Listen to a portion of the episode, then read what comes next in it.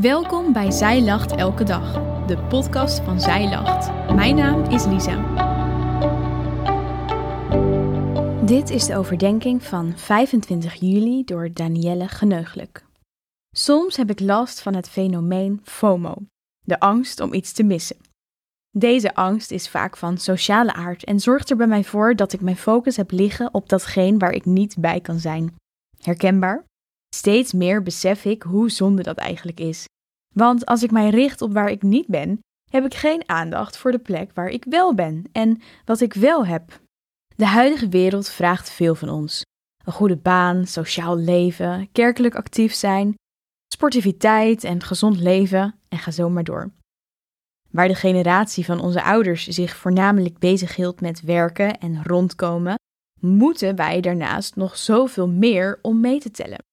Tenminste, dat is hoe we het kunnen ervaren. Misschien herken je het wel, dat je niet bij een etentje kunt zijn of dat je je sport moet opgeven omdat het niet samengaat met je werk. Dat kunnen we voelen als een gemis. Want wat als we niet mee kunnen komen? Doen we er dan nog wel toe? In mijn eigen leven merk ik dat deze vragen de overhand kunnen nemen. Ja, ik weet dat ik iets moet opgeven, maar houd mijn oog vooral gericht op wat ik daarmee mis.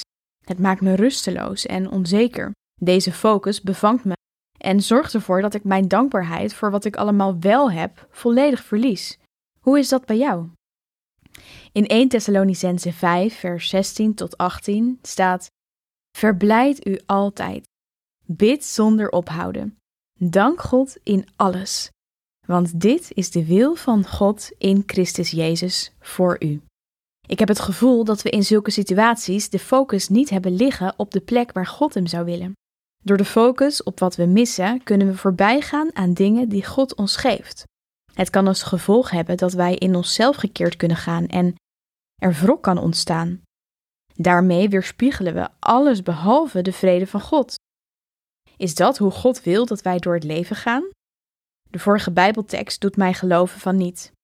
In deze drie Bijbelteksten noemen de schrijvers eigenlijk drie vermaningen voor het individu gericht op positieve grondhoudingen tegenover God. Allereerst verblijd je altijd. Er wordt aangespoord om verheugd te zijn. De vreugde die bedoeld wordt is onafhankelijk van de situatie en vindt zijn vaste grond in God. Natuurlijk mogen we balen als we ergens niet bij kunnen zijn of afscheid van iets moeten nemen, maar laten we ons daardoor leiden. Of vinden we onze vreugde in God? We mogen leven vanuit het volbrachte werk van Jezus en daar onze vreugde in vinden. Het tweede, bid zonder ophouden. Er wordt hier opgeroepen tot een voortdurende gemeenschap met God, die niet tijd of plaats gebonden is. God verlangt naar een intense relatie met ons, als zijn kinderen. En dat zou ook onze wandel als christenen moeten typeren. Maar is dat altijd zo? Zelf merk ik dat het erg op kan luchten als ik juist mijn onzekerheid en gevoel van gemis in gebed bij God breng. Vaak doe ik dit veel te laat, heeft de FOMO mij al bereikt en kan ik me ellendig voelen. God wil dat je hiermee bij Hem komt. Hij wil die constante relatie met jou en dat je jouw hart bij Hem neerlegt. Tot slot, dank God in alles. Onze dankbaarheid en dit uitspreken naar God bepaalt een deel van onze relatie tot God. Het is belangrijk om in elke situatie en in alle omstandigheden God te danken. Bovenal omdat we het leven van Hem krijgen. Ik ben ervan overtuigd dat wanneer wij ons richten tot God met onze dankzeggingen, deze gaan overwinnen van dat gevoel van gemis. Misschien ken je de uitspraak: alles wat je aandacht geeft, groeit. Laten we de dingen waar we dankbaar voor zijn, de aandacht geven, zodat onze dankbaarheid naar God mag groeien en we kunnen leven in Zijn vreugde.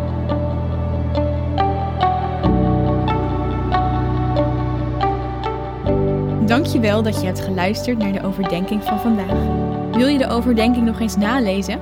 Check dan onze website. Je vindt daar ook nog meer toffe dingen die jou helpen om de Bijbel vaker te openen. Zoals boeken, Bijbels, cursussen en evenementen. Morgen ben ik weer bij je terug met een nieuwe overdenking. Tot dan!